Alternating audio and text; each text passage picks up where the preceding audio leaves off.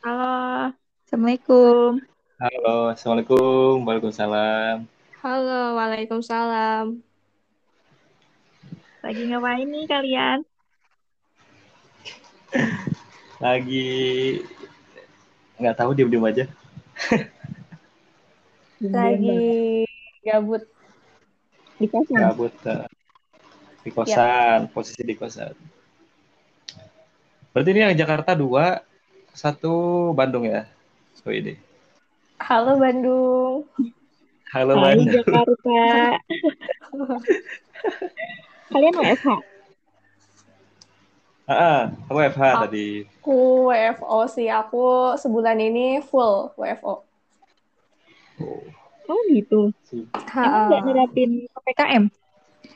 Justru itu aku nerapin PPKM di sini. Cuman karena memang SDM-nya itu banyak yang di luar Jakarta, kebanyakan di Bekasi. Jadi yang WFO itu anak-anak yang di Jakarta aja. Hmm, terintimidasi ya? Karena di sini Dia mending Lagi pindah banyak ke Bekasi berarti. Apa?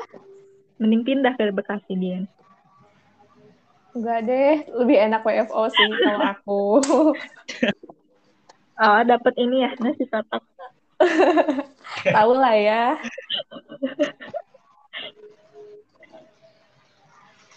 Dian tuh sekarang di mana sih kerjanya?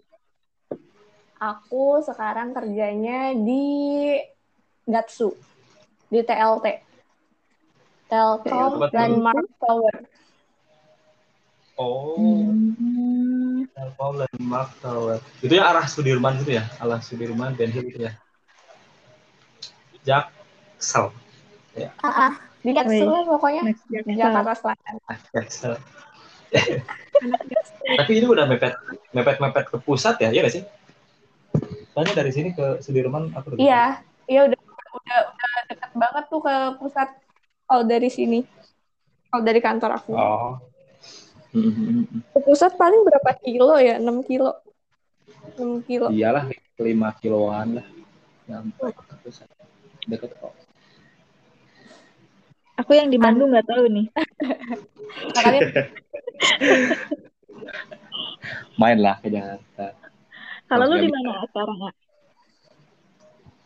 Kalau aku sekarang masih tetap di instansi Di pemerintahan asik. di hati dia, dia yang mah. Aku Dia di Mahkamah. Agung.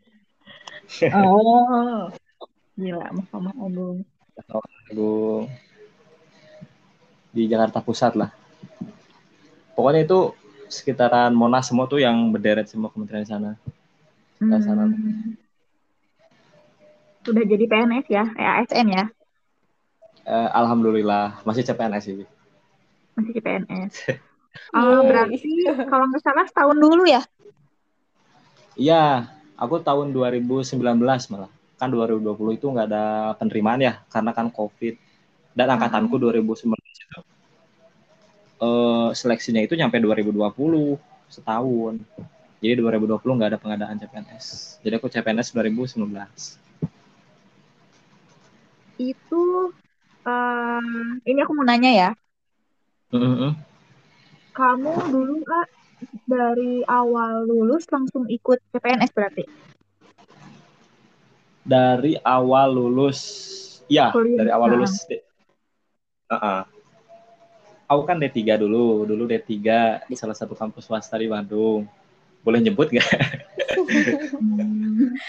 Wah, by the Boleh way kita merek satu alma mater nih. Boleh nyebut merek gak di sini? Boleh lah ya.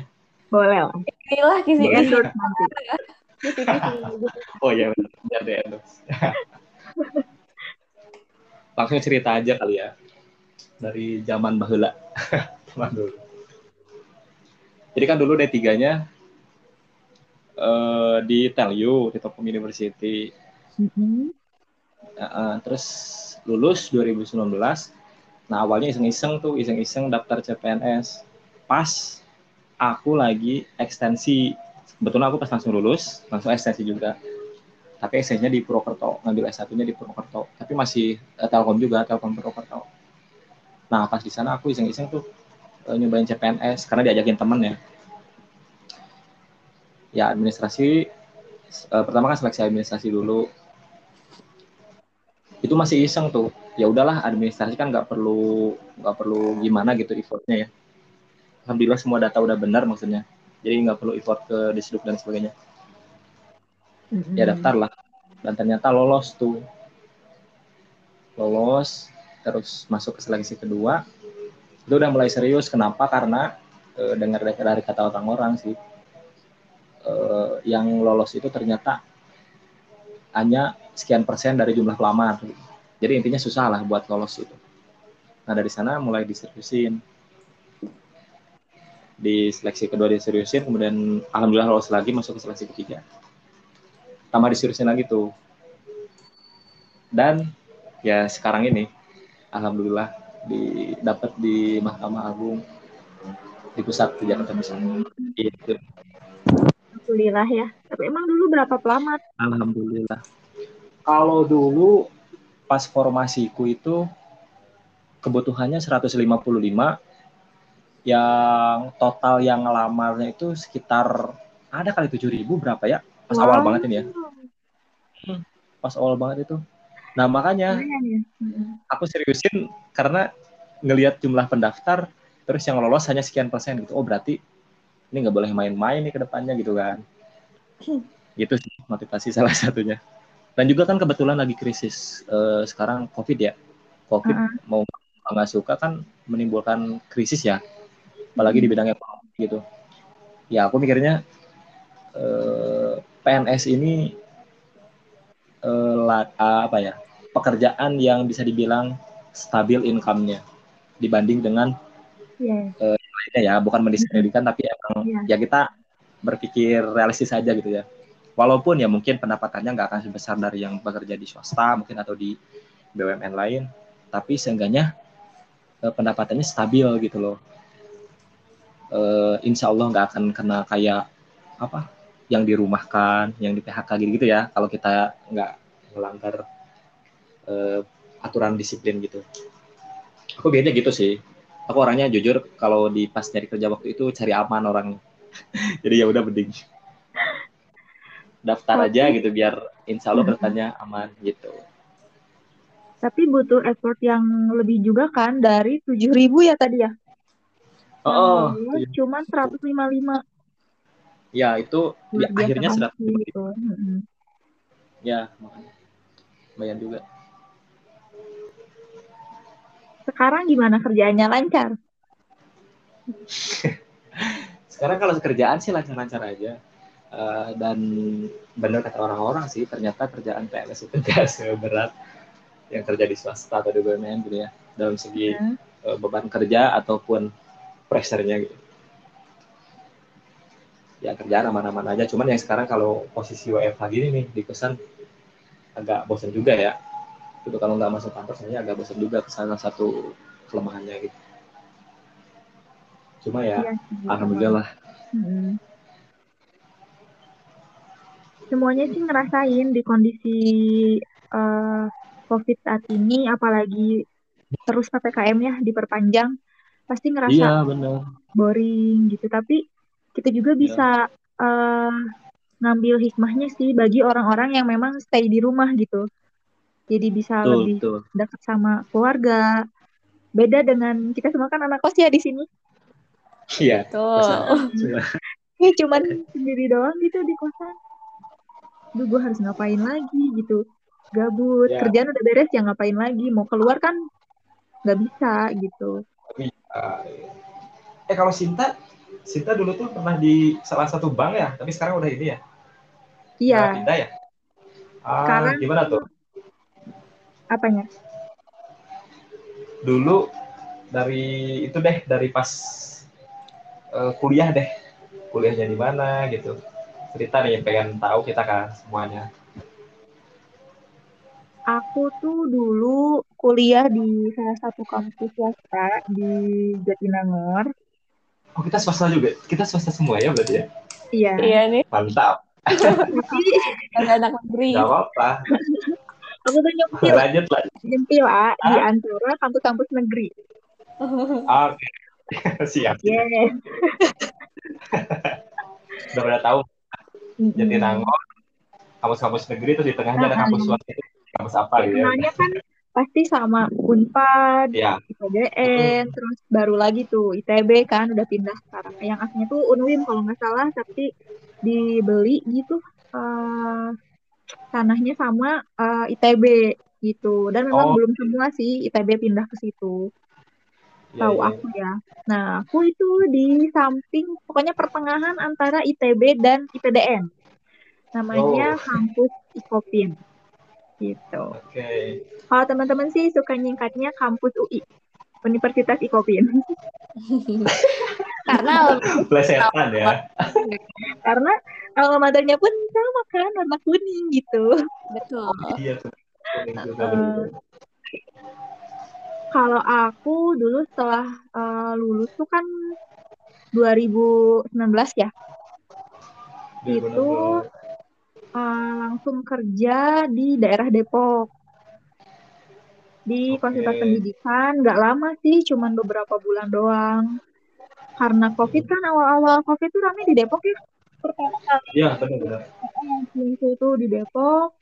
Terus ya yang namanya kita kerja di orang perusahaan pun ada naik turunnya kan ya. Iya benar-benar. Waktu itu ya ceritanya kolaps lah perusahaannya tapi masih ada sih sampai sekarang. Ya cuman kan nggak bisa lagi uh, ngegaji karyawan sebanyak itu gitu. Pertama sih WFH dulu karena kan memang di uh, konsultan pendidikan tuh sistemnya uh, anak-anak tuh bisa belajar online gitu. Dirumahkan dulu uh, pas pertengahan 2019 aku memutuskan lah untuk resign dan uh, pindah kerja di salah satu perbankan gitu. Cuman ya yang namanya di bank pasti ditarget banget kan ya kerjanya. Iya benar-benar. Kerja di bank uh -uh. target oriented. Ya. Iya emang benar-benar di push banget gitu ya. Jadi uh, apa ya aku nggak basic sebenarnya di situ, tapi terus-terusan aja nyoba gitu. Gimana caranya aku kan jujur di uh, bagian insurance di sana tuh. Berarti kan aku harus dapetin nasabah ya sebanyak mungkin biar mendapatkan bonus pun sebanyak mungkin gitu. Dan yang perlu kalian tahu di Indonesia tuh kejauhan lah lingkupnya aja kecil di Bandung yang emang aku waktu itu kayaknya di salah satu outlet perbankan yang ada di Bandung, orang-orang tuh belum melek banget gitu tentang asuransi. Jadi mereka tuh uh, berpikir nggak terlalu perlu. Memang sih ada plus minusnya ya kalau misalkan rutin sama masa depan itu tuh benar-benar berguna. Contoh kayak misalkan kalian kepikiran gak sih kayak uh, eh, gue nanti kalau punya anak biaya sekolah dari mana ya dengan penghasilan gue yang segitu-gitu aja gitu. Iya Pasti sih, kadang... kepikiran sih. Nah, kan. Nah, kalau asuransi kan gak cuma di kesehatan doang kan ya. Ada juga nantinya uh, di pendidikan, di investasi. Oh, gitu. Sorry motong. Mm-hmm. Berarti di uh, yang yang aku tahu kan bank itu berarti uh, teller kalau nggak customer service gitu. Berarti nggak di situ ya? Enggak, enggak di situnya di bagian insurance-nya oh. gitu. Oke, okay. oh insurance kayak gitu. Hmm, gitu. Gitu sih kayak nawarin nasabah gitu kan ya. Emang aku stay-nya di outlet. Jadi nawarin nasabah yang uh, datang ke outlet gitu atau uh, kita juga harus stay takutnya ada uh, nasabah yang menanyakan produk asuransi itu. Gitu. Dan karena mungkin edukasinya juga masih kurang ya, jadi nganggap sepele gitu loh tentang asuransi ngapain sih malah rugi dan bla bla bla gitu. Kalau ngubah belum ini mungkin ya belum terlalu aware ya masyarakat uh, uh, belum terlalu aware belum uh, terbuka gitu uh, pemikirannya tentang pentingnya berasuransi. Tapi uh, karena mereka tuh gini uh, kebanyakan tuh ya ikutan asuransi uh, yang nyangkanya itu tuh uh, suatu tabungan yang bisa diambil kapan aja. Hmm. itu mah koperasi itu. Uh, uh, itu mah paling ya nabung biasa gitu. Hmm. kalau asuransi kan nantinya ada uh, apa premi yang harus dibayar per bulan berapa dan masa asuransinya bisa ikut yang berapa tahun gitu sih biasanya. Mm gitu makanya nggak kuat sih kerja di situ karena kan pasti tekanan ya di perusahaan harus selalu closing setiap hari dan itu kan benar-benar pengaruh ya ke pendapatan yang kita dapetin gitu kalau seorang hmm. marketing tuh eh, pendapatan kita tuh diatur sama kita sendiri kayak gitu. Memang ada Tapi gaji itu ada gaji pokok. Gitu. Ada, ada, ada gaji pokok, oh. cuman nggak sebesar itu gitu. Maksudnya kalau misalkan kitanya nggak achieve, itu tuh memang di bawah hmm. UMR. Ini kan pakainya UMR Bandung ya. Dan aku ngerasa, yeah, yeah. ih gila sih. Dengan gaji segini gitu. Ke depannya nih kalau terus di sini cukup apa gitu. Berarti nggak worth it lah ya. Uh, tapi kalau memang orang yang jago buat uh, apa nawarin nasabah itu worth it banget. Karena kan bonusnya oh. juga gede-gedean. Karena memang aku bukan di situ kan basicnya ya. Uh-huh. Wah, ya udahlah daripada ngebatin gitu ya kerja ya. stres harus kan itu waktu itu belum lepas ya bolak-balik Tanjung Sari Buah Batu. Uh, Wah, gila, males banget. Sih. Capek sih pasti. Capek, heeh. Berangkat pakai motor? Enggak, pakai Damri. Oh, alah, pakai umum. Apalagi pakai nah, umum kan. Iya. Oh. Gitu, yeah. maksudnya ah pakai di jalan gitu. Mau ngekos mau ngekos tuh kayak bulan depan gue icip nggak ya? Mampu nggak ya bayar kosan? Gitu. Oh, oh iya iya nggak tenang masih was was gitu. uh -uh, masih was was kayak gitu. Dengan gaji sekian cuman pas-pasan. Misalkan kalau di rumah kan nggak perlu mikirin biaya lain-lain ya. Paling uh. mikirin buat ongkosnya doang. Yep. nah uh, buat makan kan kayak misalkan bisa bekal gitu buat di kantor gitu dan memutuskan buat resign juga karena ngerasa resign lagi nih kedua kali berarti ya nggak cocok oke okay. Ah. nah sekarang menetap di uh, salah satu perusahaan tuan perusahaan sih disebutnya lembaga, lembaga zakat ya? uh -uh, lembaga, zakat, lembaga ya? zakat di daerah Batu Nunggal kalau sekarang sih oh. ngekos karena memang ya lumayan lah jauh gitu kalau yeah, harus yeah. pulang pergi terus gitu tapi dari segi beban kerja oke okay. kalau dari segi beban, beban kerja, kerja sih oke oke aja sesuai juga sama jurusan aku waktu kuliah ya seenggaknya tuh oh, ilmu okay. yang kita pelajarin tuh diterapin gitu di kerjaan kita yang sekarang dulu kan aku ngambil manajemen konsentrasinya keuangan Nah, yeah. sekarang emang ditempatin di uh, bagian administrasi keuangan dan pelaporan gitu. Jadi masih oh, masuk kampung lah ya. Uh, iya, marketing kejauhan ya. Kalau tadi marketing ya marketing. Marketing uh, uh, harus punya basic gitu ya, basic marketing. Uh, uh, iya, harus punya basic sih. Harus berani sih kayak buat nggak uh, males buat nawar-nawarin gitu kan kalau marketing tuh. Sama dilihat juga dari produknya sebenarnya banyak nggak sih uh, masyarakat gitu yang bakal perlu produk ini gitu tapi kalau tentang marketing okay. itu uh, aku nggak mengeneralisasi susah gitu ya untuk semua uh, apa bagian yeah. Kerjaan di marketing. Kadang tergantung orangnya. Kalau emang uh. passionnya udah di situ sesulit apa pun produk yang mau dijual ya pasti bisa. Karena dia udah menguasai teknik cara menawarkan ke orang misalkan kayak gitu. Jadi bikin orang tuh oh keras gitu ya sama produk yang dia uh, jual gitu. Iya benar. Iya sih benar. Intinya kerjaan itu ya kalau jauh-jauh banget dari basic skill kita ya kita pasti bakal nggak bisa ngelakuinnya dengan benar gitu ya harus iya. seenggaknya basic skill itu harus kita dapetin gitu dapetinnya dari mana ya dari kuliah kita gitu loh dari kegiatan-kegiatan kita sebelumnya yang kita ikutin apa. Betul. Sekarang udah uh, stay di Bandung di lembaga Jakarta itu ya? Uh -uh. Oke. Okay. Oke, okay, satu lagi nih. Dian gimana Dian? Uh -uh, Dian gimana nih? Gimana apanya nih? Perjalanan. Pengalaman, Pengalaman dari pas dulu sampai bisa dapetin kerjaan yang sekarang tuh gimana? Oke, okay. uh, eh, sama aku hampir sama sih sama Asep. Aku sebelumnya ambil prodi D3 dulu, jurusan Teknik Telekomunikasi. Itu di kampus swasta Bandung, satu alma mater ya enggak? Iya, kemudian untuk ekstensinya aku juga di kampus yang sama, di Bandung juga. Nah, itu bedanya. Jadi ya, bedanya itu kan. Di kampus itu kalau aku nih hijrah nih ke Purwokerto gitu. Hmm.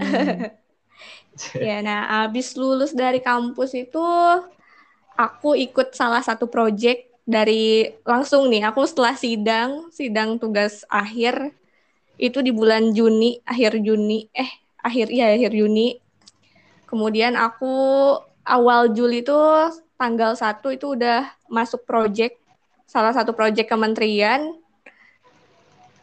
aku ikut uh, konsultan aku sebagai asisten konsultan. Nah, di situ tuh kerjaan aku sebenarnya uh, seneng sih, walaupun nggak terlalu telekomunikasi telekomunikasi banget gitu. Tapi seenggaknya itu kerjaan aku ya visitasi ke kawasan sains teknologi di Indonesia gitu. Jadi aku lebih bisa tahu gitu apa aja nih teknologi-teknologi baru yang ada di Indonesia saat ini, walaupun jauh ya, maksudnya dari telekomunikasi. Terus aku tiba-tiba kerja jadi asisten konsultan gitu. Tapi seenggaknya teknologinya tuh masih ada, masih dapat. Terus aku kerja Berarti di keliling, keliling. apa? Potong. Berarti uh, keliling-keliling Indonesia gitu ya? Pergi-pergian Iya. Iya, nah asiknya tuh itu juga sih. Jadi kerjaan aku nggak terlalu jadi beban gitu karena sambil bekerja sambil liburan. Wah enak iya. banget. Iya, iya dong. Apa-apanya di cover kan? Pasti kan? Semuanya, pastilah semuanya. semuanya. Kalau di kementerian itu ya enaknya itu semuanya di cover, mulai dari uh, transport kita, kemudian makan, kemudian tempat tinggal itu udah semuanya tinggal kita tuh tinggal bawa badan terus ngerjain tugas udah seperti itu. Oke oke. Lain Berapa lama tuh di sana? Itu enam bulan dari satu oh, dari satu Juli itu sampai 31 Desember itu aku dikontrak untuk project itu sebagai asisten konsultan. Nah selanjutnya aku dikontrak lagi untuk jadi web developer. Itu masih di uh kementerian yang sama kementerian yang sama juga gitu. Itu aku dikontrak selama empat bulan sampai bulan April tapi sebenarnya kerjaannya itu di Maret tuh udah selesai gitu. Kerjaan aku di Maret tuh udah selesai jadi April tuh tinggal ya menunggu waktu untuk selesai masa project gitu aja sih. Setelah itu dua bulan aku kosong. Kosongnya itu karena emang yang pertama itu mau ref refreshing dulu selama satu bulan. Satu bulan dari April ke Mei itu aku benar-benar belum nyari kerja lagi ingin rehat lah ya gitu. Setelah setelah hampir satu tahun kerja di bulan Mei itu pengen rehat dulu sebulan. Terus di bulan Juni itu aku mulai langsung nyari kerja nyari kerjaan baru. Karena proyek si kementerian ini sudah selesai aku nyari coba nyari-nyari lowongan yang emang masuk ke jurusan aku gitu ke telekomunikasi.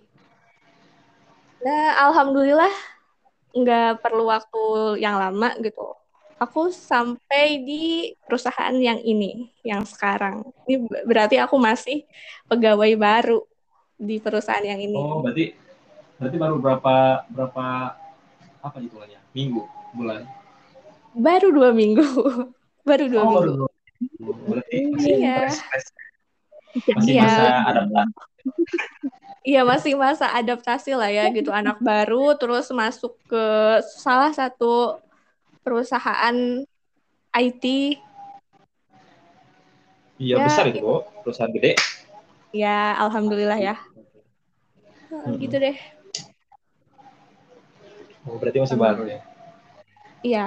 Eh, tertarik itu tadi yang sebelum di perusahaan ini nih, kan hmm. uh, kamu bilang tadi uh, project ya berarti itu kerjanya by project gitu. Nah itu bisa tahu info ada proyek-proyek itu mungkin nanti ada teman-teman kita atau siapa pun itu yang mm-hmm. bukan jadi itu buat sampingan itu tahu infonya dari mana sementara kan di website biasanya nggak ada ya informasi semacam itu iya pasti pasti kalau misalnya di websitenya itu malahan kayaknya nggak akan di share deh ya kalau untuk proyekan oh. itu mungkin iya, mungkin tapi soalnya aku juga nggak pernah nggak pernah dapat info dari web gitu.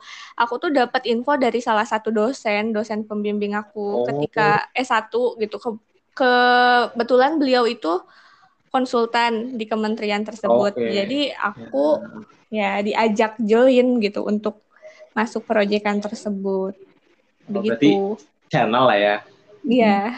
Jadi gitu kan teman-teman semua ini perbanyaklah channel kalian. Ya. Apalagi dosen Bener. itu biasanya kalau dosen ya. itu kalau misalnya udah tertarik sama satu mahasiswa uh, tahu gitu kinerja mahasiswa itu bagus, pasti insya Allah tuh dosen kalau ada info apa-apa tuh pasti lari ke mahasiswa itu gitu. Bener, bener banget. Aku tuh jadi pengen cerita nih dikit tentang Boleh. relasi atau channeling ya. Iya. Uh, agak sedikit nggak setuju sih soal uh, stigma atau pendapat orang-orang yang mengenai channeling yang negatif, berarti nggak maksudnya?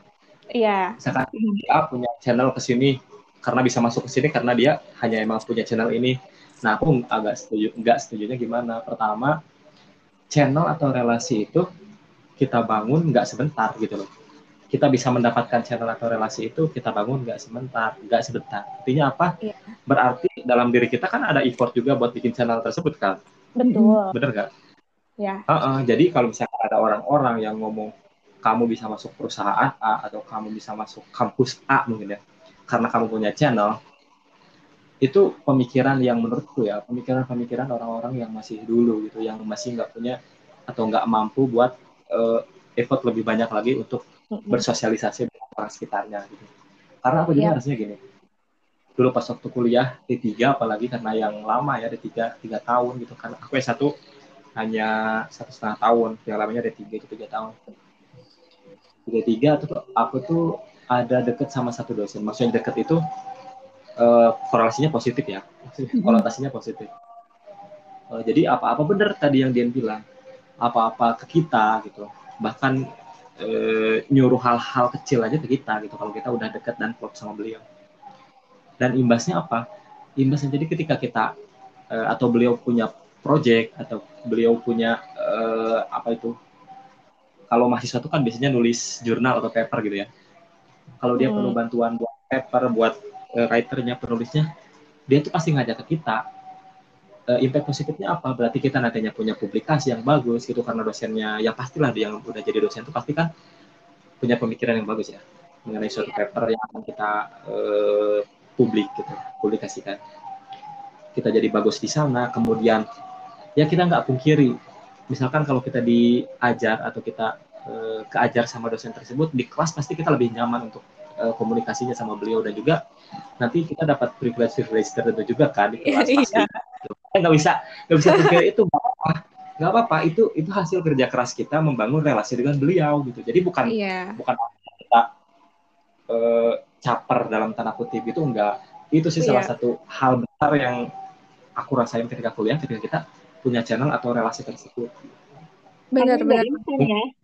Benar kan? Sinta hmm. mungkin punya juga cerita mengenai relasi-relasi kayak gitu?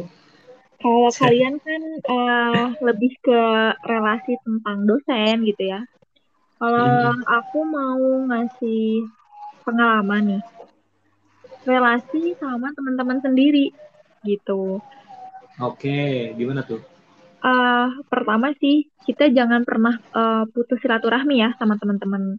Yeah. Say hi, hmm. kabar misalkan istilahnya gitu kayak kita gini kan Uh, uh, gitu kayak kita gini kan, kan kalau nanti ada informasi apa pun pasti saling kasih tahu kan? Iya. Gitu. ya. Betul, terus kan uh, kita kan nggak tahu nih kayak misalkan sekarang uh, Asep kan di Mahkamah Agung ya? Ya. Uh -uh. Lulusan IT kan nggak menutup kemungkinan. Misalkan ketika nanti uh, sim ada locker nih di sini lu mau nggak? Kan nggak menutup kemungkinan gitu ya. Ada kesempatan sampai ya. nah, kayak gitu. Nah kalau aku berkaca dari pengalaman pekerjaan-pekerjaan yang sebelumnya semuanya itu memang dikasih tahu lewat temen. Ini ada locker nih di oh. sini. Coba uh, apply gitu. Itu kan salah satu relasi juga. Dan kita juga membangun relasi sama temen tuh agak susah juga kan. Kadang kalau misalkan kita udah nggak bareng-bareng tuh kalau kontak kan biasanya gitu. Kebanyakan orang tuh kayak ya. gitu. kecuali yang memang udah bener-bener deket banget gitu. Kayak kita kan memang udah dari SMP ya kenal ya. gitu. Terus alhamdulillah ya. uh, silaturahmi nggak pernah putus gitu. Nah kalau aku dulu suka nanya nih ke teman-teman kamu kerja di mana sekarang? Kalau ada locker kasih tahu ya. Dan aku tuh bukan tipe orang yang gengsi gitu buat nanya hal kayak gitu. Kadang ada orang Betul. yang kayak ya setuju setuju. Nah, nanya ih kamu kerja di mana? Ada locker nggak?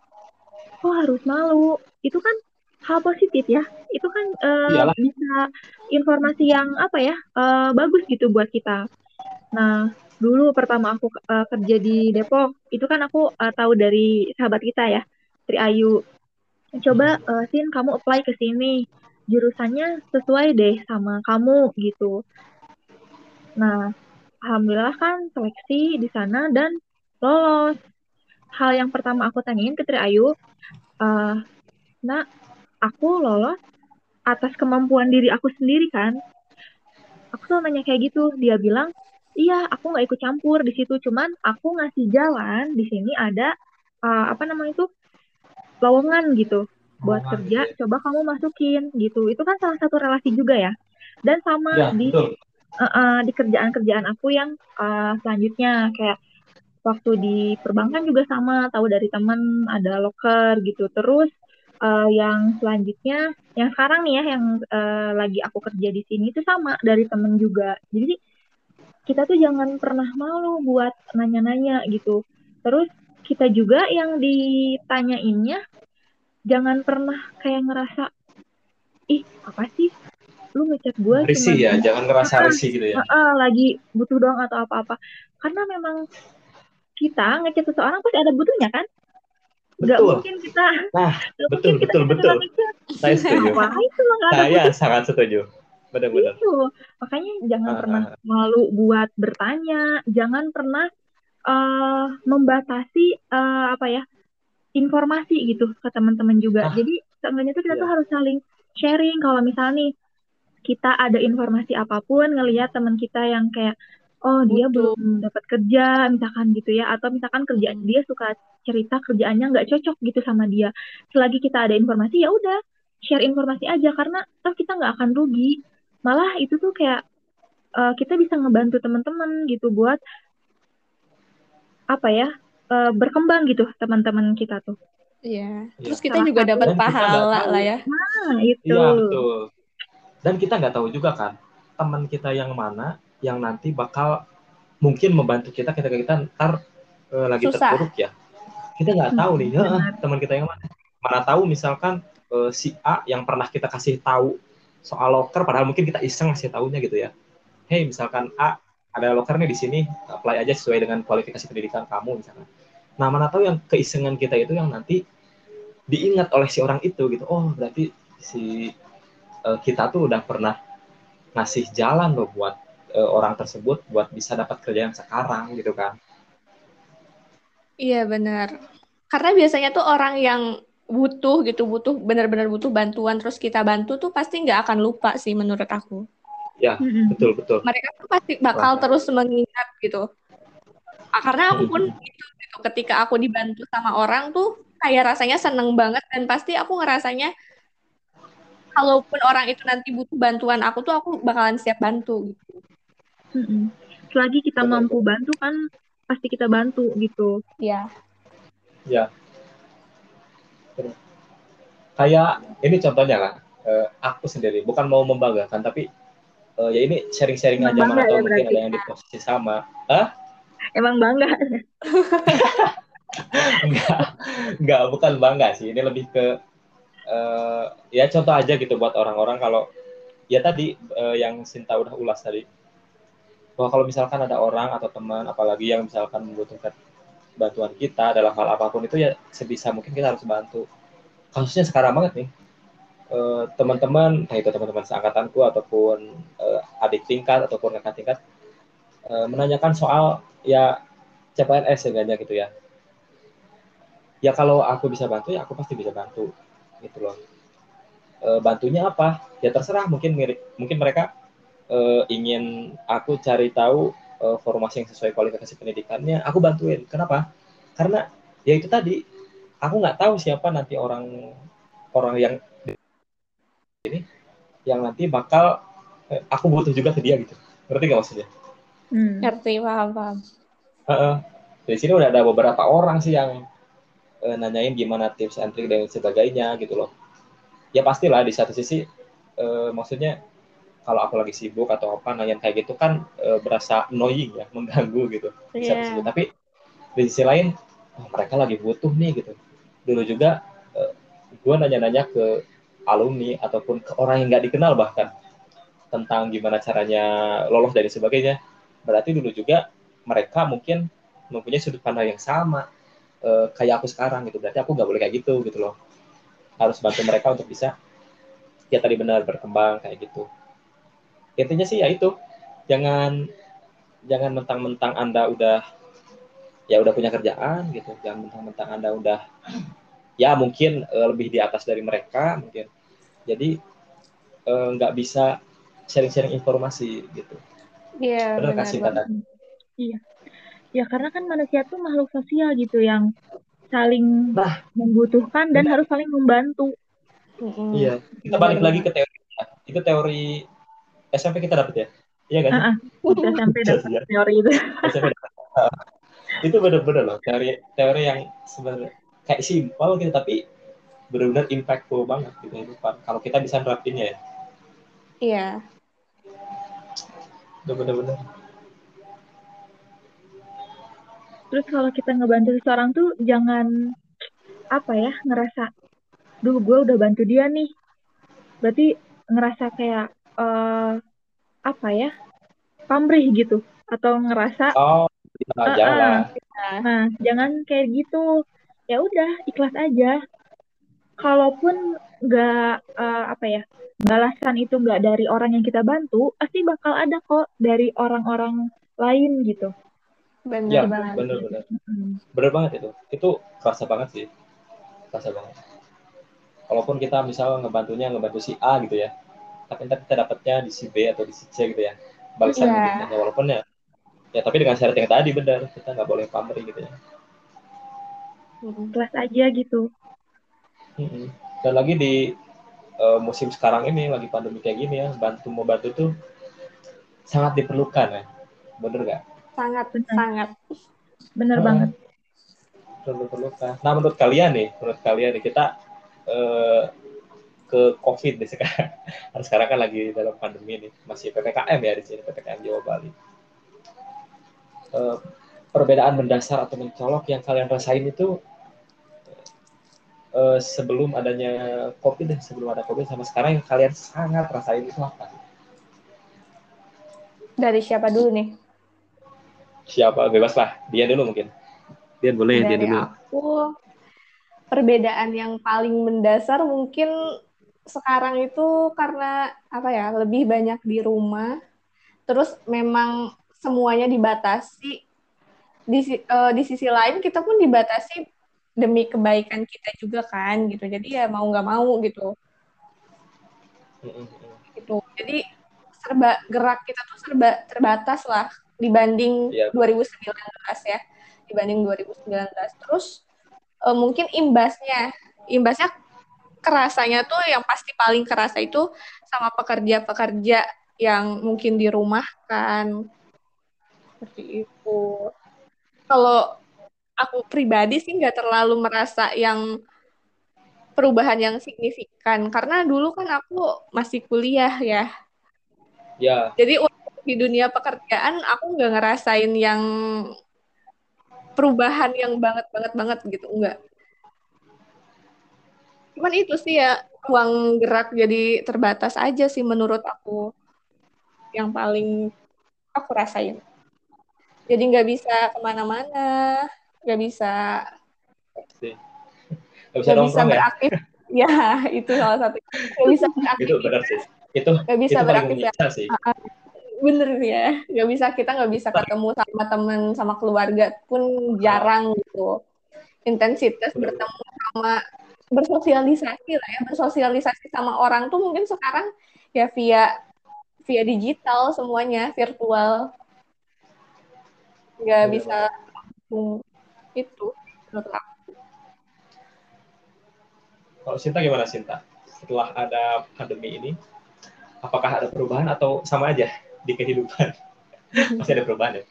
Ya, ada. Pasti ada sih perubahannya Adalah, gitu ya. pasti. ya. Uh -uh. Pertama dari kebebasan kita gitu ya, ruang gerak uh, terbatas. Ya, kayak misal mau uh, pergi ke mana pun kan, apalagi lagi PKM kayak gini tuh banyak jalan yang ditutup kan, akses ya, agak susah asli. gitu. Hmm. Tapi segi apa ya, emosional juga di sini tuh harus kelihatan gitu emosi orang-orang tuh gitu ya kalau aku lihat uh, kasus-kasus nih yang banyak di berita, sekarang kan lagi ppkm ya. Kalau kita ya. sih kalau buat kita yang kerja di uh, kantoran gini kan nggak terlalu ngefek ya, alhamdulillah gitu masih ya. bisa kerja uh, di rumah gitu dan memang pekerjaan kita masih bisa terselesaikan gitu. Dari segi gaji pun kita kan uh, alhamdulillahnya nggak berpengaruh gitu kan masih tetap uh, kita masih dibayarkan oleh perusahaan gitu. tapi bagi orang-orang yang memang harus kerja di luar tuh kayak eh ya Allah kasihan banget gitu. Dan yang mereka cuman dapat uang harian gitu kan mereka harus kerja keluar ya. Nyari uang ya, gitu. Benar-benar uh -uh. sekarang kan ruang gerak mereka pun dibatasi. Kayak uh, jam yang dagang contohnya jam dagang dibatasi. Kalau misalkan ngelang apa melanggar peraturan si jam itu di ini kan diangkut gitu uh, dagangan dan lain-lainnya. Jadi kayak segi emosional tuh kelihatan segi kemanusiaan juga kelihatan. Beda banget gitu. Di kondisi saat ini tuh harusnya kita tuh saling ngerti. Harusnya uh, apa ya saling bantu gitu. Cuman yang kalau dari segi aku pribadi uh, kebetulan ya pernah jadi uh, salah satu orang yang dinyatakan bergaris dua maksudnya oh positif apa nih positif apa ya. nih ada dua garis dua tuh ayo yang mana Uh, merah apa biru? Yang lagi hit sekarang positif garis dua merah. Oh. Oh, nah, iya iya. iya. Nah, uh. Ngeliat kan kayak, oh aku lagi ngekos kan, mama sih nyuruh pulang aja gitu, tapi kan aku khawatir ya, entah itu di jalan di jalan takut aku menularkan, atau yeah. misalkan uh, pas nyampe ke rumah kan aku punya adik gitu, aku punya orang tua takutnya juga menularkan. Ya udahlah memutuskan buat isoman di kosan gitu terus kayak uh, orang-orang tuh ternyata masih banyak gitu yang peduli tuh alhamdulillahnya. Entah kita kan nggak tahu ya mereka uh, pada ngasih kan kita kan nggak tahu mereka yang ngasih itu tuh punya uang atau enggak. Tapi seenggaknya tergerak gitu dari hati mereka tuh. Ah teman aku sakit kasihan ya udah aku kasih ini kasih itu gitu. Tapi uh, di situ aku lihat kayak oh ternyata benar manusia tuh nggak bisa hidup sendiri. Balik lagi ke yang tadi teori yang manusia itu adalah makhluk sosial gitu. Sosial uh, kita tuh perlu loh uh, bantuan orang lain. Kayak waktu aku kan di sini tuh ngerepotin orang lain terus kan. Kayak misalkan mau makan harus dianterin gitu. Kalau pesen uh, gojek dianter nih apa ke pintu kamar kan gitu. Yeah, iya, ngerasa yeah, yeah. banget oh ternyata masih banyak sih orang-orang yang uh, kepeduliannya tuh tinggi banget gitu terhadap orang lain. Kayak gitu kalau pengalaman aku di masa mm -mm, uh, pandemi, pandemi. sekarang tuh. Oh berarti di antara kita yang uh, pernah garis dua berarti hanya Sinta sendiri ya? Enggak di kosan ada berdua. Enggak dari yang ini kita. Kita oh. bertiga ini. Oh. ya semoga kalian jangan lah. Ya. iya ya, ya bukannya apa sih? Ngerepotin orang lain masalahnya. Nah ya benar aku pun mikirnya gitu tapi itu kayak perhatian kecil gitu perhatian sekecil itu menjadi berarti banget ya kalau misalkan kita ada di posisi kayak gitu ya. Iyalah pasti. Ada ya gitu. Ya mudah-mudahan eh. dan satu lagi kayaknya ini yang paling aku rasain sekarang deh dampak dari uh, pandemi ini. Karena kita Aduh. anak rantau kita tuh anak rantau dan bentar lagi tuh kayak ada hari raya gitu kan. Oh iya kita nggak itu sih yang bikin aku sedih banget. Kita nggak bisa pulang kita nggak bisa mudik kak. Kita ya, harus emang di kota orang gitu sendirian. Terus nggak ada keluarga gitu kan. Ya sedih sih. Gitu tapi ya balik lagi ya, kita harus taat peraturan pemerintah. Mau nggak ya harus taat. Itu itu buat kebaikan kita sendiri. Jadi kalau misalnya mau pandemi ini berakhir ya taatin dulu lah sekarang. Ikutin dulu alurnya gitu. Jangan sampai kayak mau pandemi berakhir tapi peraturan sekarang aja masih banyak dilanggar gitu. Kita tahan aja. Iya benar ya lagian yang lebih nakutin itu ini loh. Kalau misalkan kita OTG nih kita nggak tahu kita sakit. Mm-hmm. terus kita ke kampung halaman terus kayak bawa ya jadi carrier virusnya itu gitu. Itu yang ya, lebih bahaya sebenarnya. itu, itu yang lebih bahaya. Apalagi kan di rumah orang tua gitu kan yang mungkin uh-uh. resiko lebih tinggi untuk terkena dibanding kita mungkin yang uh, daya tahan tubuhnya lebih baik kayak gitu. Benar-benar eh sekarang sabar dulu aja lah. Nanti ada hmm. ada kok. Waktunya pulang pasti ada. Cuman pasti bukan ada. sekarang. belum sekarang. Iya pasti ada kok. Suka duka anak rantau. Ya belajar menikmati kesendirian aja. Apa? Belajar menikmati kesendirian. Nah itu. Banyakin merenung gitu kan sendiri self healing. Ah itu self healing juga sih. Gitu. Iya, semoga cepat membaik aja soalnya kasihan sih sama rakyat kecil yang memang pekerjaannya tuh benar gitu. Kita juga sama rakyat kecil. Mereka, tapi iya. beruntungnya bukan rakyat besar kok kita. Lapangan gitu. Beruntungnya nggak kerja di lapangan. Iya. Ya, kasihan itu yang ini yang mereka tuh nggak bisa dapat duit kalau mereka nggak keluar gitu ya. Nah, itu. Yang ya. mereka nggak bisa WFH. Hmm. Kalau kita kan masih bisa WFH ya. Bisa. Kalau yang kalau yang misalkan penjual uh, kaki lima itu kan mereka nggak nggak bisa WFH. Ya. Grab. Gak jualan ya nggak dapat duit. Ah, nah, uh, uh, transportasi online gitu ya semuanya. Hmm. Iya sih balik lagi ke ini ya kita alhamdulillah udah dapat kerjaan ya semuanya. Alhamdulillah. Alhamdulillah. Coba deh kalau berkaca ke teman-teman gitu ya yang angkatan kita nih lulusannya bareng gitu. Pasti hmm. masih banyak kan ya yang belum dapat kerja gitu. Hmm, iya, ada, ada. banyak banget. Hmm. makanya benar-benar disyukurin banget gitu alhamdulillah kita tuh uh, salah satu orang yang ketika lulus pun nggak butuh waktu yang agak lama gitu buat nunggu ya. saya dapat kerjaan. Iya benar. Benar-benar. Malah ada uh, kakak tingkatku ya yang waktu S1 di Purwokerto itu. Dia padahal dua tahun di atasku. Dua tahun di atasku bayangin ekstensi dua tahun di atasku. Tapi sampai sekarang ya ya mereka memang mungkin belum rezekinya. Mm-hmm. belum dapat kerja gitu. Ya kita yang dianugerahi setelah lulus ya ya nunggu beberapa bulan itu wajar ya. Mm-hmm. asal jangan sampai bertahun-tahun itu baru nggak wajar. Tunggu beberapa bulan wajar uh, langsung dapat kerja itu ya kesempatan yang langka sih. Apalagi di zaman sekarang ya.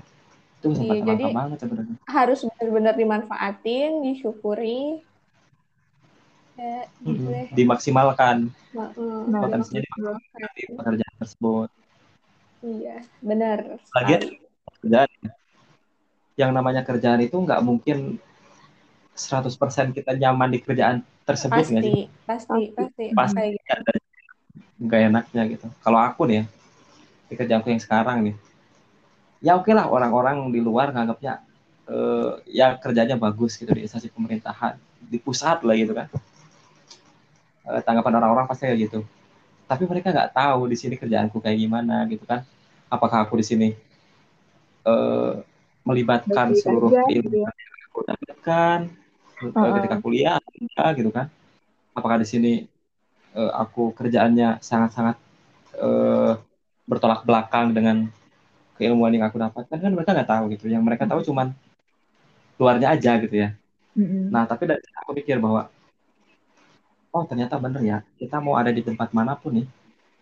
Seenak apa pun kata orang kalau kalau kita uh, telah masuk ke tempat tersebut pasti nanti ada aja yang bikin gak enak. Iya pasti, pasti. Jadi kalau misalkan orang-orang suka, suka gimana gitu, orang-orang pilih-pilih kerjaan gitu loh, kayak ah nggak mau di sini karena ini bukan basic aku, ah nggak mau di sini uh, karena padahal dia belum nyoba loh, dia belum nyoba ya, maksudnya daftar pun dia belum gitu. Iya, bener gitu. banyak banget yang kayak gitu.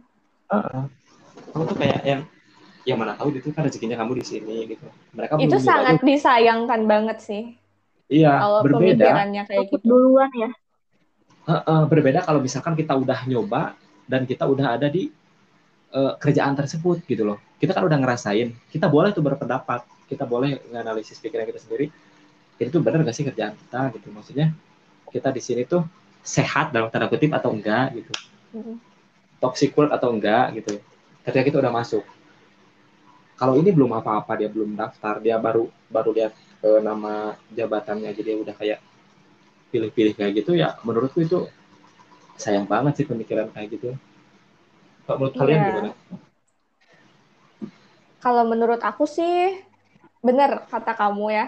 Kalau pilih-pilih di awal itu ya sangat disayangkan banget gitu. Kita belum nyoba apa yang ada di dalam tapi kita nggak mau masuk gitu kan. Kita udah keburu kalah sebelum masuk gitu.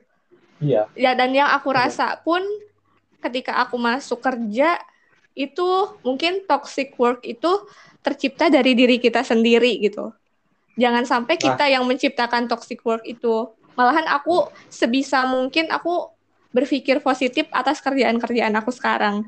Aku mulai menyukai gitu, mulai dari aku tuh harus suka dulu kerjaan aku sekarang, terus aku harus menyesuaikan diri sama lingkungan baru.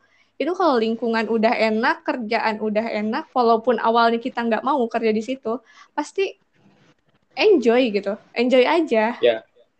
Ya nggak sih? Benar, benar. Pokoknya pokoknya aku tuh sekarang berusaha berpikir positif untuk semua hal gitu walaupun aku tuh kadang ya pasti kadang tidak bisa dipungkiri gitu ada pikiran-pikiran negatif tapi mau nggak mau kayak aku tuh nggak boleh terlalu mikirin hal-hal negatif itu karena di antara hal-hal negatif itu pasti positifnya juga ada nah aku tuh kayak nge-up si positifnya itu dan nge-redam negatifnya sebisa mungkin aku harus jadi orang yang positif lah intinya. Tuh, positive vibes. Iya, benar. Benar banget sih. Soal pikiran positif itu ya. Apalagi hmm. uh, balik lagi nih ya, di saat kondisi pandemi kayak gini Betul. tuh, pikiran positif itu emang benar-benar dibutuhin banget. Karena bener, kan bener, bener. banyak ya yang bilang, coba berpikir positif biar imun kita juga bagus gitu baik, baik. kita bisa uh, uh, menstabilkan imun kita gitu karena kalau uh. kita takut gitu khawatir terlalu khawatir dengan kondisi kayak gini kan bikin kita stres juga ya itu kan bikin yeah. tubuh jadi uh, drop juga gitu makanya emang benar. benar berpikir positif dalam hal apa pun tuh emang sangat baik gitu iya yeah. benar. Contohnya lah aku huh? di di kantor gitu lah ya. Mungkin ada beberapa orang yang lagi sakit gitu saat ini tuh. Terus kebetulan teman aku kayak bilang gitu eh hebat ya gitu kan. Kamu tuh di antara dua orang yang sakit itu padahal aku waktu itu satu shift sama mereka tapi kamu nggak kena gitu kan. Terus mereka bilangnya ya karena mungkin kamu selalu ceria gitu selalu senyum ketawa gitu. Kayak nggak ada beban pikiran. Sebenarnya bukan nggak ada beban pikiran sih ada gitu. Cuman ya kita iya. enjoy aja nggak sih gitu kan? Di depan iya, orang ya, tuh, apalagi di kantor ya nggak pernah kayak ngeliatin murung jadi pendiam kayak gitu. Kita harus jadi orang yang energik.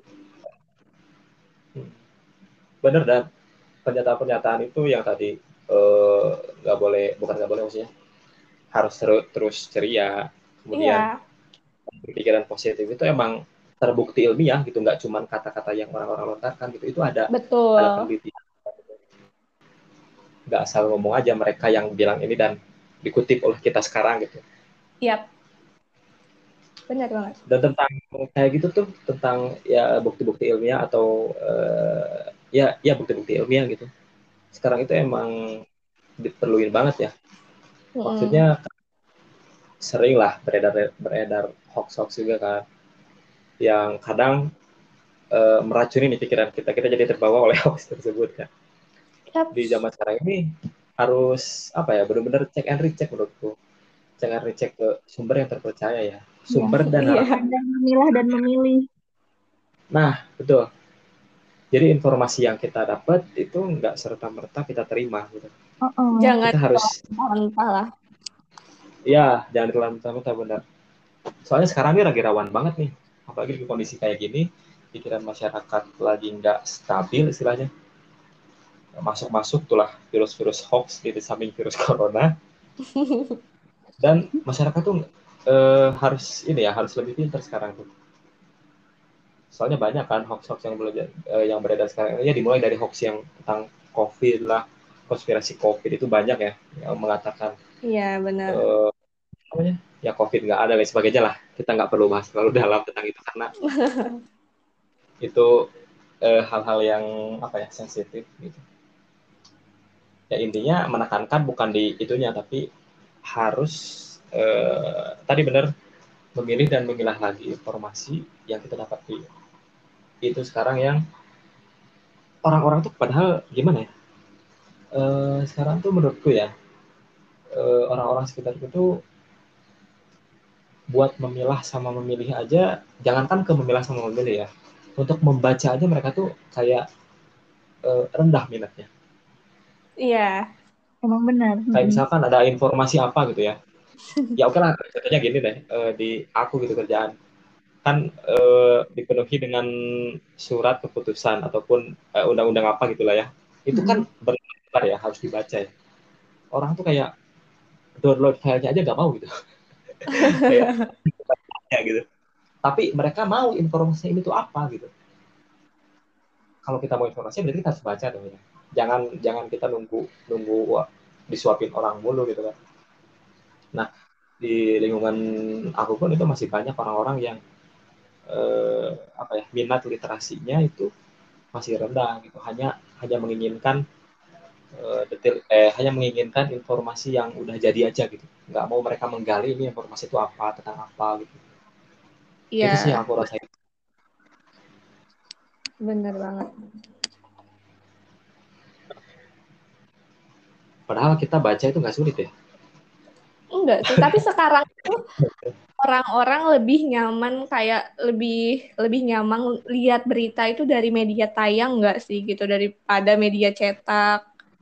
Ya, benar-benar. Ya, mungkin ya karena itu ya dimanjakan ya, dimanjakan oleh hal-hal kayak gitu mungkin jadi minat bacanya turun ya. Iya.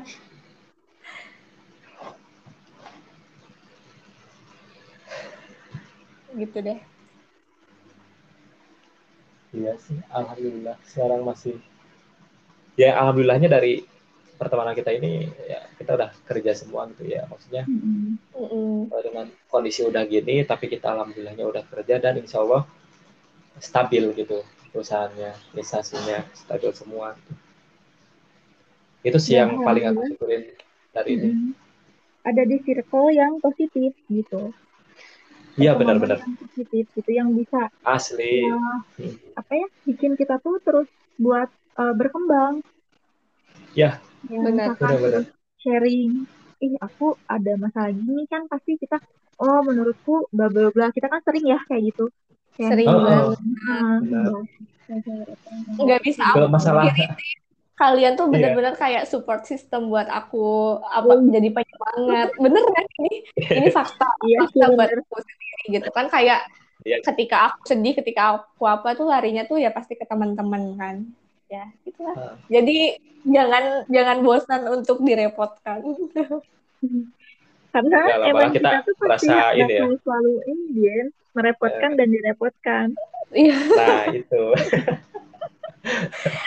ya dari hal-hal kecil ya, dari hal-hal remeh, hmm. receh gitu. Iya. Yeah. Tapi bener loh, hal-hal kecilnya gitu yang bikin uh, apa ya, hubungan kita makin erat gitu ya. Uh -uh.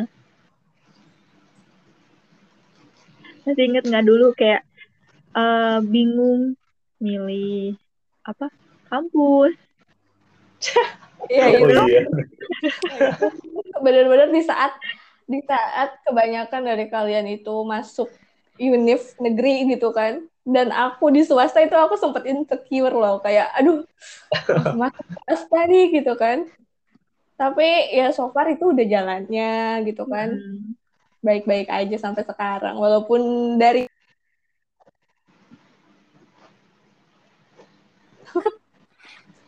sama aja sih ya, tapi terus terang sih. kan. terus terang uh, sama aja sih kalau itu. Tapi aku terus terang nih uh, hal yang ditakutkan itu ya terjadi ketika uh, yaitu penentuan kampus kita itu. Soalnya aku mikirnya gini nanti di kuliahan dapat gak ya teman yang kayak gini lagi gitu kan terus nanti yeah. orang-orang ini masih bisa dihubungi gak sih gitu kan? Soalnya kan banyak ya kasus yang tadi teman-teman yang lost contact setelah kita nggak sama-sama terus gitu kan.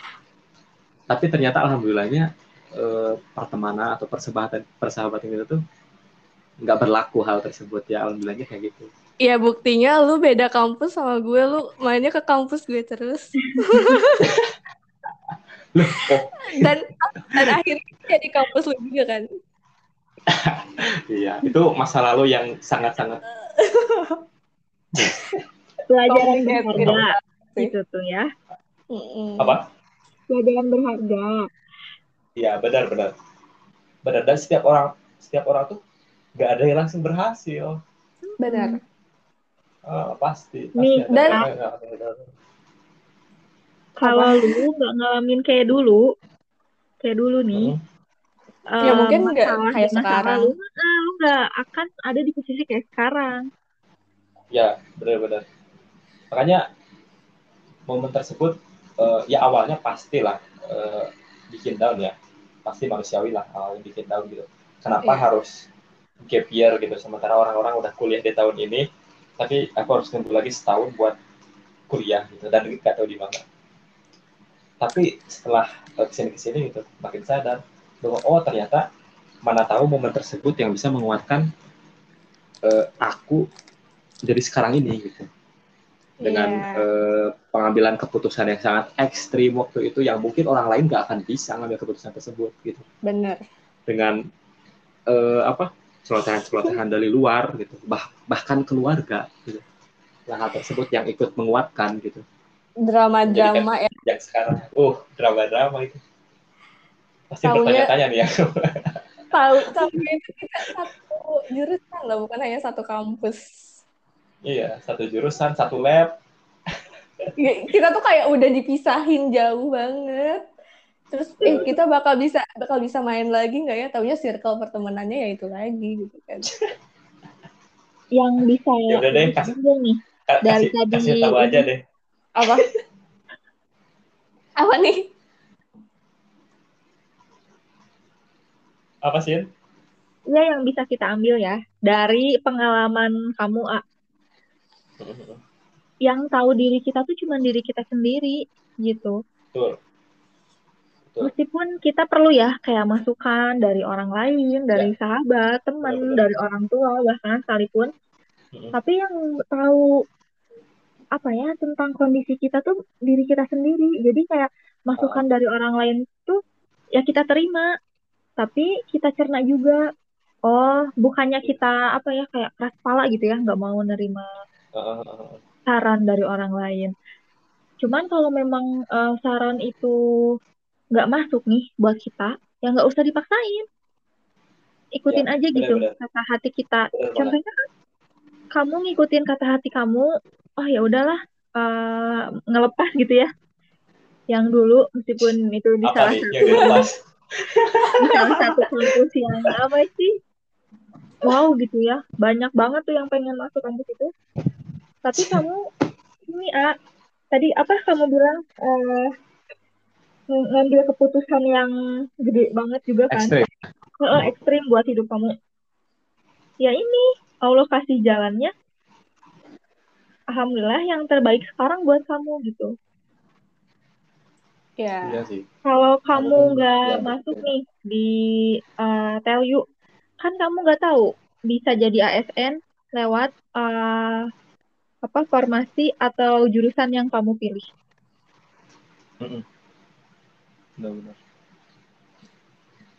Dan aku tuh pengen banget ngebungkam orang-orang yang terlalu masuk ke dalam urusan orang lain ya. Jujur ya, ini. Bener. Karena kayak buat apa bener, sih bener. lu gitu ngurusin hidup, hidup gue itu sampai ke dalam-dalamnya gitu. Cukup lu di luar yeah. aja gitu. Nggak usah masuk ke dalam-dalamnya terus kayak menghakimi kita. Mungkin itu bisa menjadi sesuatu yang bikin orang lain itu jatuh, down, kemudian kita nggak tahu kan orang itu tuh suka atau enggak, bisa atau enggak terhadap omongan yang kita lontarkan ke orang itu. Kayak gitu kan. Contohnya kalau kemarin. kasih saran sih nggak apa-apa ya. Kalau yeah. biasa itu ya nggak apa-apa. Iya, contohnya tuh udah... kemarin tuh aku sempet kena judge gitu kan dari salah seorang adalah seorang seseorang. Dia bilang kayak Iko kamu mau sih diposisiin kerja di situ? gitu. Dengan uh, kondisi di situ kebanyakan laki-laki. Ya aku mikirnya ya apa sih? gitu kan untungnya sama lu gitu gue kerja di sini ataupun enggak itu enggak ada urusannya gitu kan sama kamu. Ya cukup ya kalau enggak cari kerja gitu. Cari kerja yang menurut lu. Ya seenggaknya kalian tuh ya udah cukup melihat gitu kan. Melihat. Nggak nggak perlu sampai kayak ngulik ke dalam gitu campuri urusan orang ke dalam. Ya kita punya punya hidup masing-masing punya pilihan masing-masing. Bakalan lebih enak tuh kalau kita tuh saling support gitu benar benar benar saling menjatuhkan kan Iya, aku setuju sih. Ketika seseorang eh, stop atau berhenti di mereka ngasih saran itu ya nggak apa-apa. Mm saran tersebut eh, kita bisa cerna lagi kan mau diterima atau enggak itu terserah kita pribadi. Tapi ketika orang tersebut udah kayak mempertanyakan kayak Iya. Sep dulu lah gitu dulu pengalamanku. Sep kenapa kamu keluar dari sini? Bagus loh, IWO, nah, nanti lulusannya, nah, kamusnya bagus juga, ABC dan sebagainya. Mereka paparkan itu semua. Emang semua semuanya fakta sih, semuanya fakta. Tapi balik lagi, yang ngalamin semua ini kan gua gitu loh. Iya. Bahkan yang dekat sama gua pun misalkan uh, orang tua sebut lah ibu, ibuku gitu. Ibuku pun nggak mengalami loh apa yang saya alami gitu. Iya. Orang-orang orang-orang hanya bisa ngomong, ayo bisa bertahan katanya. Bisa bertahan buat survive. Nah ini udah bagus, nah ini udah kampus yang bagus, gitu gitu lah pokoknya. Iya. Kalimat-kalimat tapi kedengeran di telingaku tuh itu nggak suportif sama sekali menurutku. Nah di sana untungnya aku memberanikan diri tuh buat kayak ngambil keputusan dan bener loh pengambilan keputusan ini skill yang nggak bisa dipelajari di mana pun. Mm-hmm. Ini tuh harus kayak uh, apa ya diri sendiri aja gitu loh. Kita belajarnya tuh nggak tahu kan kita harus belajar mengambil keputusan tuh di matkul apa gitu kan kita nggak diajarin tuh cara pengambilan keputusan kayak gimana ini benar-benar pure dari dalam diri sendiri gitu inner power menurut menurut gue benar Nah, ketika keputusan tersebut uh, nggak nggak bisa nggak bisa memuaskan seluruh pihak, aku balik lagi. Hidupku tuh buat bukan untuk memuaskan semua orang gitu loh. Iya benar. Balik lagi ke sana. Hmm. Dan kayak toh setelah setelah aku misalkan keluar dari kampus tersebut pun toh ternyata masih ada loh kampus yang mau nampung gua gitu kan. Berarti yeah. kan uh, I am deserve with it. Berarti kan uh, gue layak gitu untuk bisa di kampus tersebut untuk berjuang lagi dan alhamdulillahnya uh, sesuai dengan passion gue. Terus ya sampai sekarang ini berarti Allah tuh nunjukin bahwa ternyata emang lu tuh tempatnya bukan di sana gitu. Walaupun mungkin itu bagus menurut orang lain uh, sekalipun bagus menurut lo tapi kalau menurut Allah nggak bagus dan bukan rezekinya ya mau di gimana pun pasti nggak akan lanjut juga gitu. Mikirnya kayak gitu aja sih kalau aku. Benar.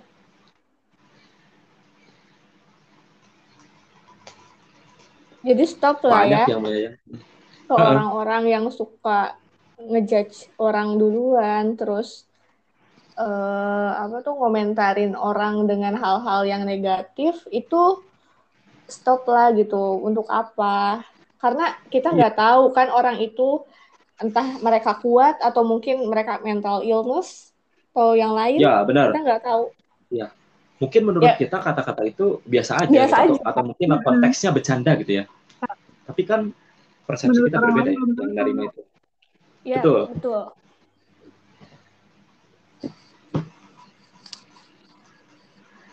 banyak banget sih pelajaran yang bisa diambil dari percakapan malam ini. Benar-benar asli. ngobrol santuy tapi insya Allah lah ada mungkin nanti ada yang dengerin gitu.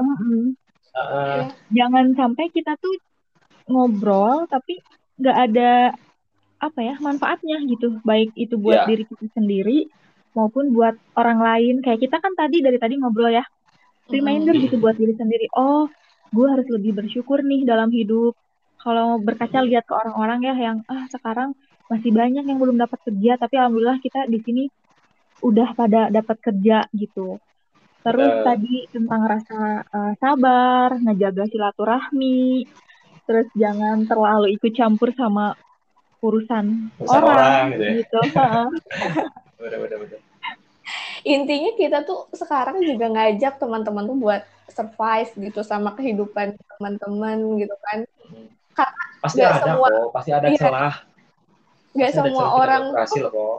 Gak semua orang tuh mulus gitu jalannya tuh. Ada kerikil, Betul. ada kerikil dikit itu wajar kan ya. kalian juga nantinya pasti kalau misalnya kalian mulai dari sekarang berusaha sabar terus uh, apa tuh namanya selalu berpikir positif. Menurut aku tuh pasti ada jalan gitu buat semuanya tuh. Pasti. There's a way for us. Ya yeah.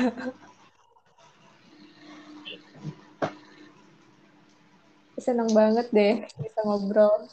Udah lama aku tuh uh -uh. ngobrol. Ya mungkin closing statement atau kata-kata terakhir? Bukan. Serem banget ya kata-kata terakhir. Kata-kata terakhir. Gak mungkin mau ada yang disampaikan buat mungkin nanti ada yang mendengarkan uh, percakapan kita ini. Ya walaupun uh, ini pembicaraan ringan tapi menurutku ya pembicaraan ringan kayak gini nantinya bisa masuk ke otak-otak generasi milenial sekarang kita ini Ya karena, karena aku juga yakin pasti bener, ada teman-teman yang lagi berpikiran kayak kita dulu atau mungkin uh, kasusnya sama kayak kita dulu gitu. Mulai dari awal uh, tuh kayak gimana sih? Pasti ada itu. Iya, pasti pasti. Pasti. Kalau dari aku dulu ya, nggak apa ya. Boleh, boleh. Nah, kalau dari aku sih, ya uh, di samping dari semua tadi value yang udah kita dapetin dari percakapan kali ini uh, yang mau aku tekanin lagi sih apalagi di zaman sekarang ya di pandemi kayak gini kalian harus yakin lah bahwa jalan itu ada.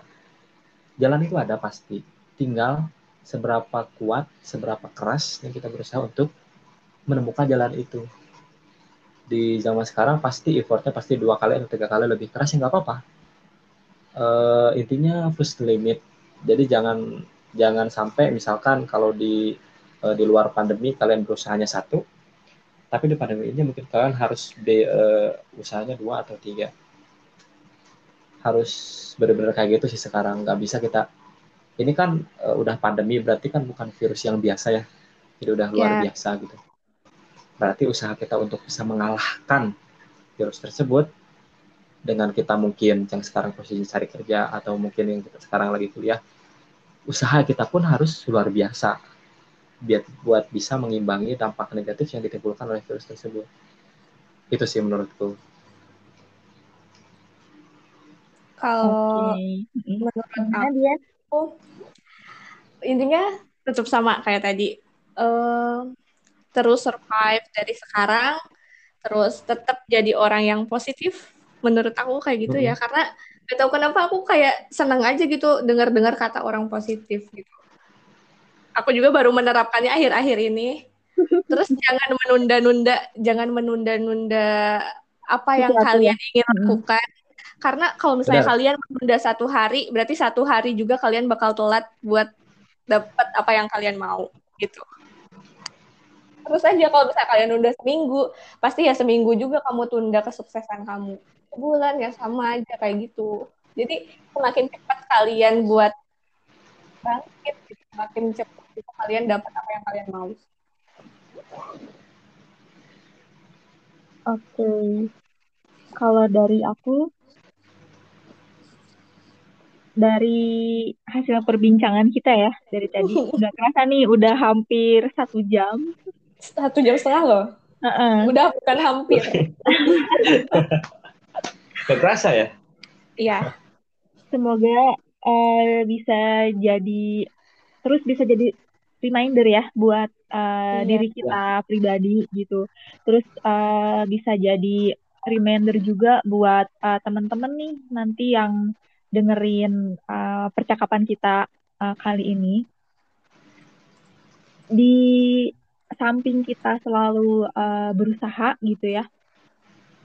Jangan lupa juga buat uh, harus uh, selalu bersyukur gitu akan uh, hidup ini karena kadang kita selalu apa ya ngeliat tuh uh, berkaca terus ke orang lain ih si si A mah hidupnya enak si B hidupnya uh, enak yeah. tapi kok aku gini gitu jangan pernah uh, ngerasa kayak gitu karena kadang hal yang kita punya tuh lebih diinginkan oleh orang lain makanya yeah. kita harus Benar. selalu bersyukur gitu akan hidup ini uh, jangan apa ya jangan lupa untuk uh, terus uh, bersabar berdoa juga terus selalu uh, berusaha gitu.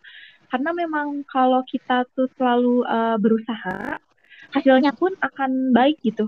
Daripada kita tuh udah uh, apa ya ngerasa minder duluan gitu tentang uh, hal apa pun. Gitu sih kalau dari aku. Benar-benar good lah good apalagi nih? Next aja ya. Next ya, next aja deh. Kayaknya udah. Kayaknya next aja. Mana-mana juga nih ngobrol. Mungkin nanti ada request. eh, pengen Mungkin nanti ada ya? request. Nonton ada yang denger. Ngebahas. ada yang denger nggak ya? Mungkin nanti ada yang dengerin. ada lah pasti satu. Seenggaknya ini bisa uh, apa ya bekal lah buat anak cucu nanti.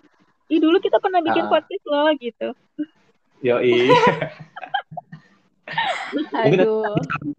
ya, misalkan kita ngebahas soal kalau ini kan kayak uh, uh, kehidupan kita ya dari iya, uh -uh.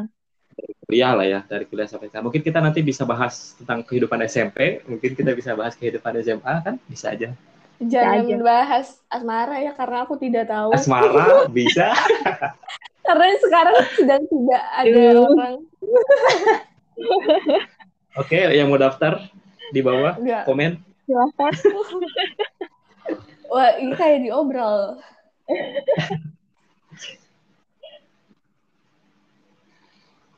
Oke, mungkin ya guys. Segitu dulu ya. Segitu dulu ya, cukup buat bincang-bincang malam kali ini. Semoga bermanfaat. Semoga bermanfaat. salam sehat semua, salam sukses. Amin. Amin. Sehat selalu ya buat kita semua. Amin, amin. amin. Ya udah, selamat istirahat ya. Udah malam juga nih. Udah oh, jam. Kerja, kerja, kerja. kerja.